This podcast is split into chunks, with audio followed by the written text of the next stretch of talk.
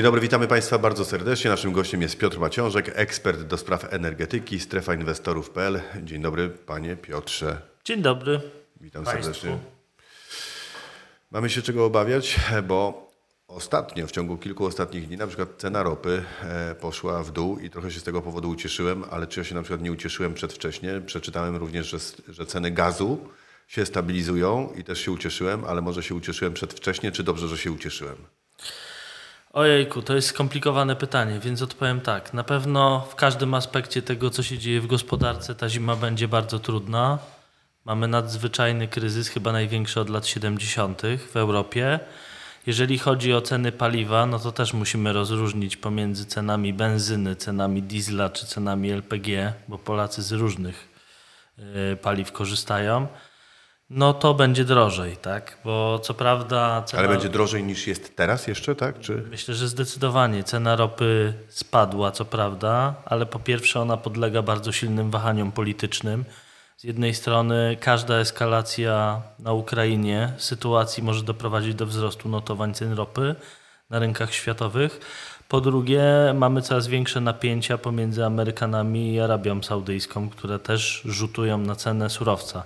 Ale to nie jest tak, że ceny paliwa w Polsce są zależne od y, tego, co się dzieje wyłącznie na rynkach ropy naftowej. Y, Cenę kształtuje też przede wszystkim kurs złotego do dolara, bo kupujemy ropę y, w dolarach, a nie w złotówkach. Jak wiemy, dolar jest w tej chwili rekordowo silny więc to bardzo mocno rzutuje na ceny paliw.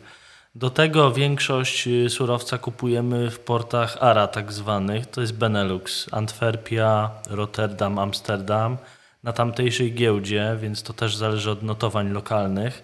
No i mamy jeszcze wiele takich aspektów, jak na przykład y, uszlachetniacze w paliwie, mamy takie aspekty jak biokomponenty. Sytuacja na Ukrainie bardzo wstrząsnęła produkcją zbóż na przykład i to wpływa na ceny biokomponentów. Reasumując, no raczej skłaniałbym się w kierunku tego, że będzie drożej. Co nie oznacza, A pokusiłby że jest, się pan. co nie oznacza, że jest źle też, bo powiedzmy sobie szczerze, jeżeli yy, sprawdzimy na siłę nabywczą Polaków i w tej chwili ceny w Europie yy, paliwa, to powiedziałbym, że Polska nadal jest jednym z tańszych rynków. Wiem, że to jest średnie pocieszenie dla osoby, która dojeżdża daleko do pracy i musi coraz więcej wydawać ze swojego portfela na zakupy na stacji benzynowej, paliwa, no ale takie są fakty, tak? Na początku A pokusiłby się pan o to, że ile będzie kosztowała benzyna w, za Nigdy. miesiąc, za dwa, za trzy, że jest wróżenie z fusów. Nie, nie, Gdybym, za dużo gdybym czynników. się pokusił, to znaczy, że nie byłbym człowiekiem poważnym. A za takiego się jednak uważam, więc nie będę. Ale powiem Państwu Przyjmuję, tak. przyjmuję to tłumaczenie. Powiem Państwu tak. y, To, co jest głęboko niepokojące, to 9 lutego przyszłego roku. Wtedy wchodzą pełne sankcje unijne na e, diesla, między innymi, i LPG z Rosji. I to będzie potężny problem, bo ile w Europie mamy nadprodukcję paliw, to mamy niemal całkowite uzależnienie od importu diesla z Rosji.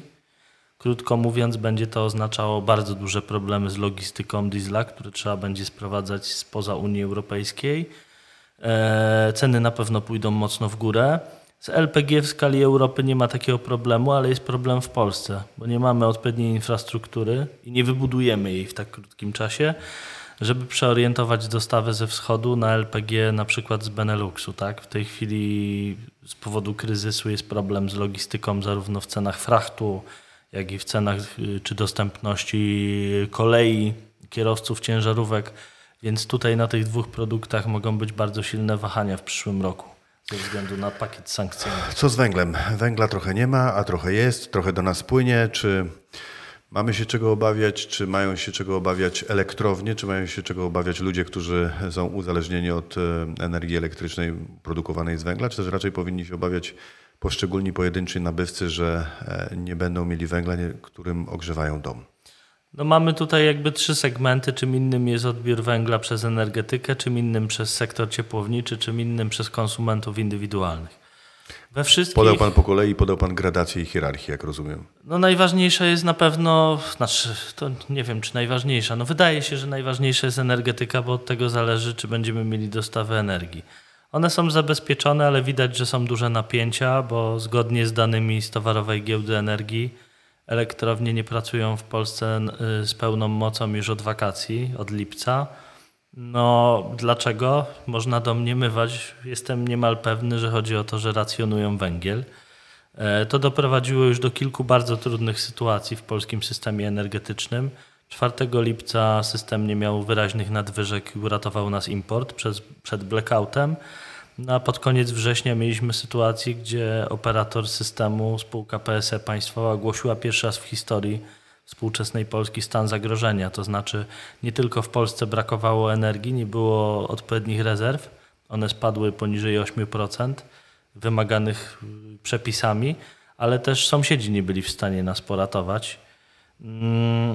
No, jakoś udało się to przetrwać, bo operator ma kilka narzędzi, które umożliwiają zmniejszenie popytu na energię elektryczną, ale widać, że problem z węglem jest. No, to, nie jest jedyny problem, bo jest też luka generacyjna. Oddajemy zbyt y, mało nowych elektrowni, a średni wiek elektrowni węglowej w Polsce to jest 47 lat.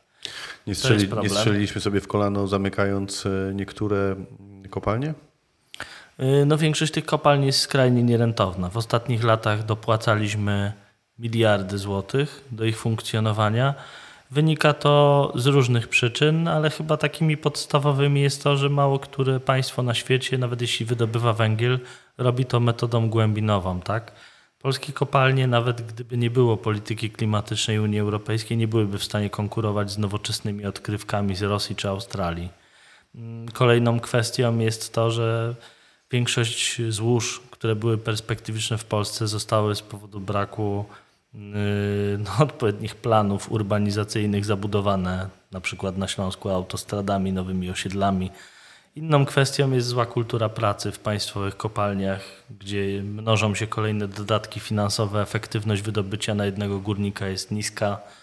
Yy, Także nie wygląda to wszystko perspektywicznie. No i to widać właśnie po skali dopłat. W zasadzie od kilku lat mamy pierwszy raz sytuację, że górnictwo jest rentowne. No ale cóż z tego, jeżeli według GUS-u od stycznia do lipca dynamika wzrostu wynagrodzeń w gospodarce e, była dźwignięta głównie przez górników, gdzie ta dynamika wyniosła 80%, więc można się pokusić o tezę, że oni w tej chwili przejadają te zyski. Pierwszy raz od lat. E, No ale wracając jeszcze do tematu węgla, no to mamy problem też z dostępem węgla do ciepłowni. No to jest rzecz newralgiczna, bo Polska ma największą sieć ciepłowniczą w Europie. Warszawa w ogóle jest największą siecią ciepłowniczą w Europie. No i jakiekolwiek niedobory mogą skutkować tym, że nie będziemy mieli ciepła systemowego, czy będzie zimno w mieszkaniach. Mm, Ciepłownie zresztą mają liczne inne problemy. Większość z nich z powodu nie tylko cen CO2, tych unijnych, ale też z powodu właśnie rosnących cen węgla, paliwa, znalazło się na skraju upadłości. Tak? Takie pierwsze upadłości czy interwencje na rynku już mieliśmy. Pierwsza była ciepłownia w Cieszynie, w 40-tysięcznym powiatowym mieście, którą w trybie interwencyjnym Tauron państwowy musiał y, przejmować, bo to groziło, że wszyscy mieszkańcy miasta nie będą mieli zimą ciepła. Ja byłem we wrześniu na, największym, na największej imprezie branży ciepłowniczej. Yy, No, spora część tej branży już akcentowała na tym spotkaniu w Międzyzdrojach, że nie ma żadnej zdolności kredytowej ani płynności finansowej, więc być może czeka nas katastrofa w tym zakresie.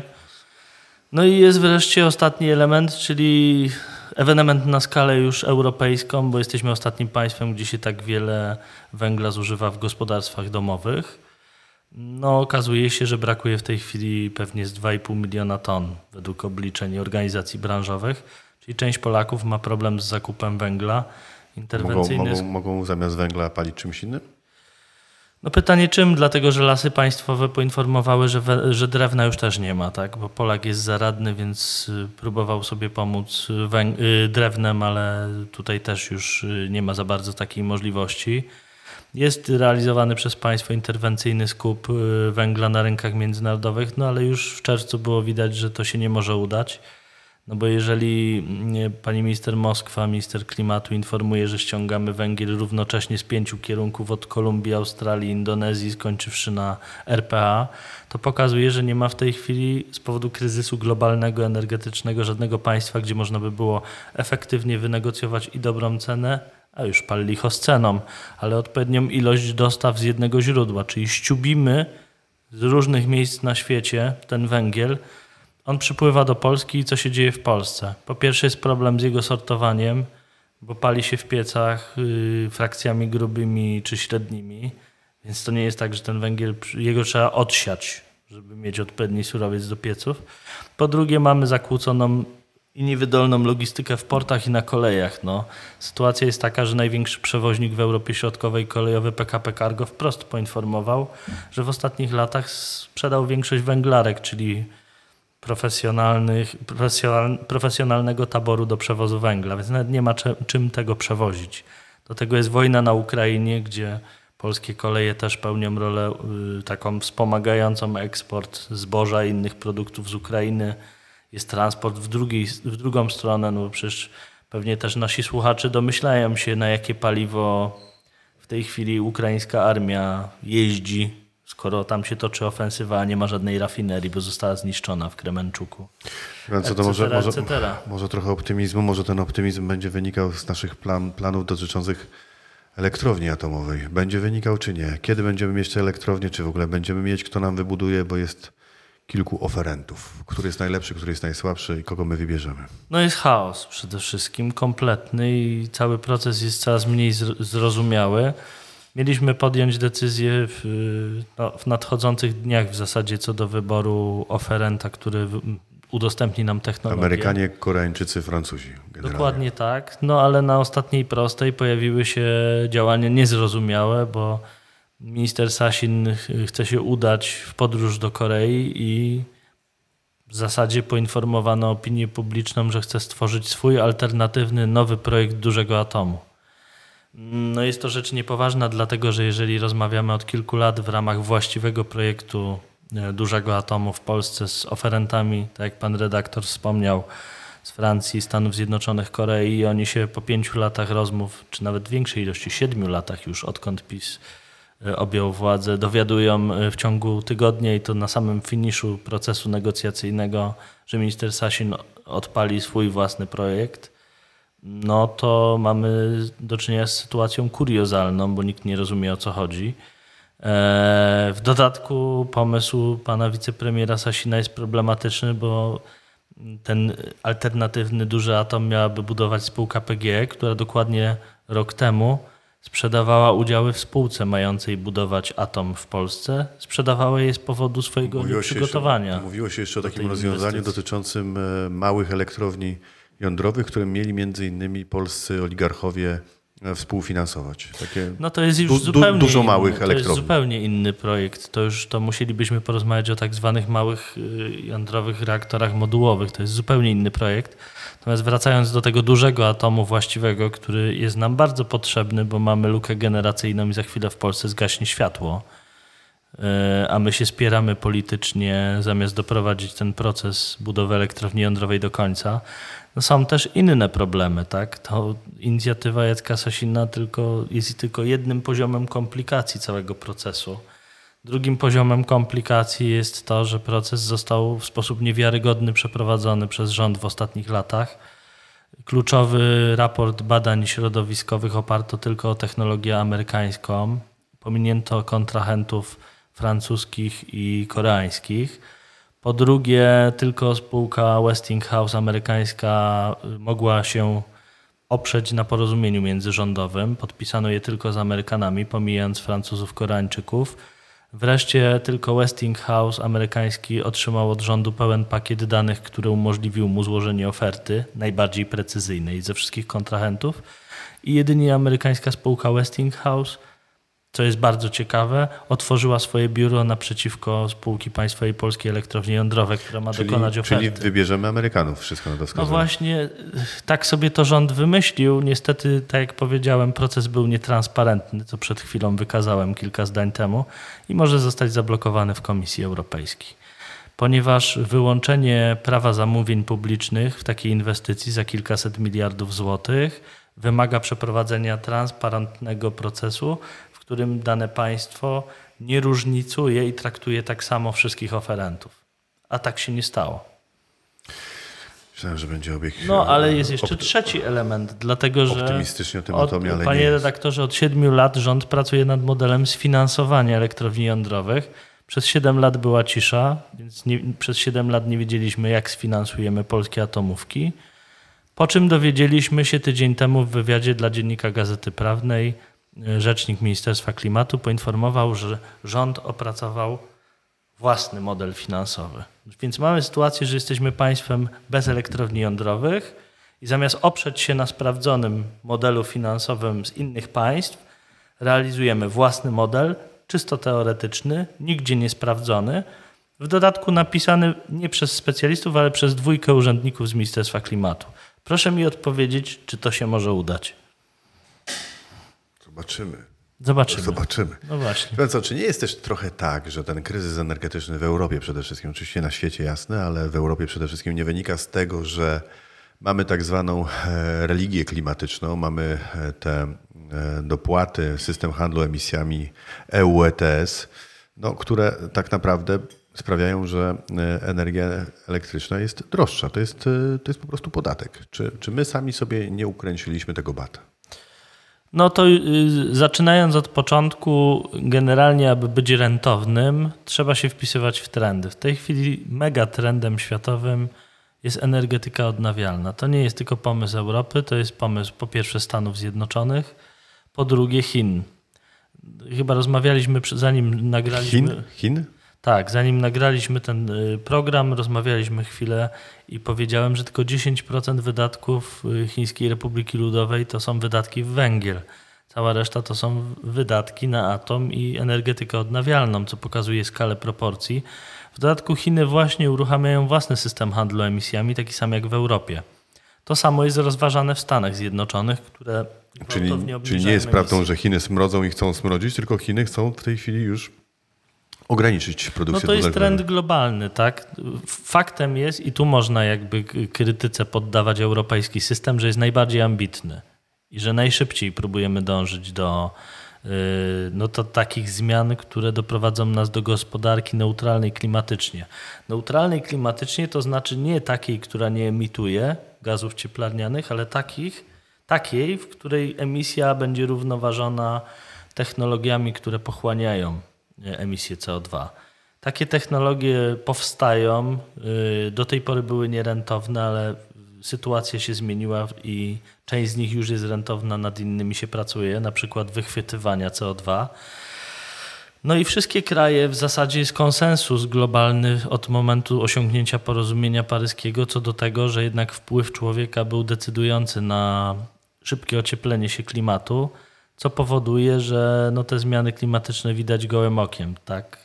Mamy do czynienia z migracjami ludności uderzającymi w granice Unii Europejskiej, przeciągającymi się suszami. Nie wiem, czy pan redaktor wie, ale to jest sytuacja nienormalna powiedzmy w historii 130 lat pomiarów meteorologicznych w Polsce, ale mamy od 4-5 lat suszę hydrologiczną w Polsce. Brakuje wody. To jest niesamowite, bo jesteśmy, nie, nie lubimy się porównywać z takimi państwami jak Egipt, tak? a okazuje się, że tam rezerwy wody są w tej chwili większe niż u nas. E, No, coraz więcej poważnych instytucji dostosowuje się też do, do, do tej agendy klimatycznej. Na przykład US Army stworzyła ostatnio całą strategię dostosowania się do ryzyk związanych ze zmianami klimatycznymi, bo pustynnienie niektórych obszarów czy głód powodują nie tylko ruchy migracyjne, ale też wzrost ryzyka terroryzmu mm, albo powstawania takich y, tworów jak y, kalifat y, ISIS y, w Syrii w dawnych latach. Czasy są więc niespokojne. Europa próbuje się do nich dostosować, co nie zmienia faktu, bo to jest bardzo skomplikowane zagadnienie, że część państw jest beneficjentami y, systemu handlu emisjami. No, pomysł Niemiec na gospodarkę jest ewidentnie kompatybilny y, z tym, co się dzieje w tej chwili w Komisji Europejskiej. Niemcy nie bez powodu przez lata zwalczały atom, a rozwijały odnawialne źródła energii. No, robiły to po to, żeby eksportować swoje technologie, technologie, zarabiać i bogacić się na tym. Strasznie pesymistyczny ten wywiad nam wyszedł. Może pan powiedział coś na końcu optymistycznego, że jednak może się uda, że zima, zima będzie lekka. Optymistyczne jest to, że prawdopodobnie przetrwamy tą zimę, a prawdziwy. Prawdopodobnie przetrwamy. Prawdopodobnie, bo to też zależy od pogody, ale dzisiaj spotykamy się w sytuacji, gdzie w Warszawie jest chyba 18 stopni Celsjusza. Jesteśmy przed weekendem długim e, przed wszystkimi świętymi, co pokazuje, że jesień na razie nas rozpieszcza, a to jest zła informacja dla Rosjan, bo ich polityka z ostatnich miesięcy dążyła do tego, żebyśmy no, stanęli w obliczu mrozu bez odpowiednich zapasów gazu. Więc to jest na pewno y, pozytywna informacja. A wracając do negatywnych albo realistycznych po prostu informacji, Prosimy no to problem o optymistyczne, wystąpi- prosimy o optymistyczne generalnie. No ale dobra. no Problem niech- wystąpi w- wiosną, tak? No bo o ile teraz udało nam się jakoś zapełnić magazyny gazu, no to trzeba je będzie ponownie zapełnić w kolejnym sezonie. Co wtedy? Piotr Maciążek, ekspert do spraw energetyki, strefa inwestorów. Bardzo panu dziękuję. Ja również.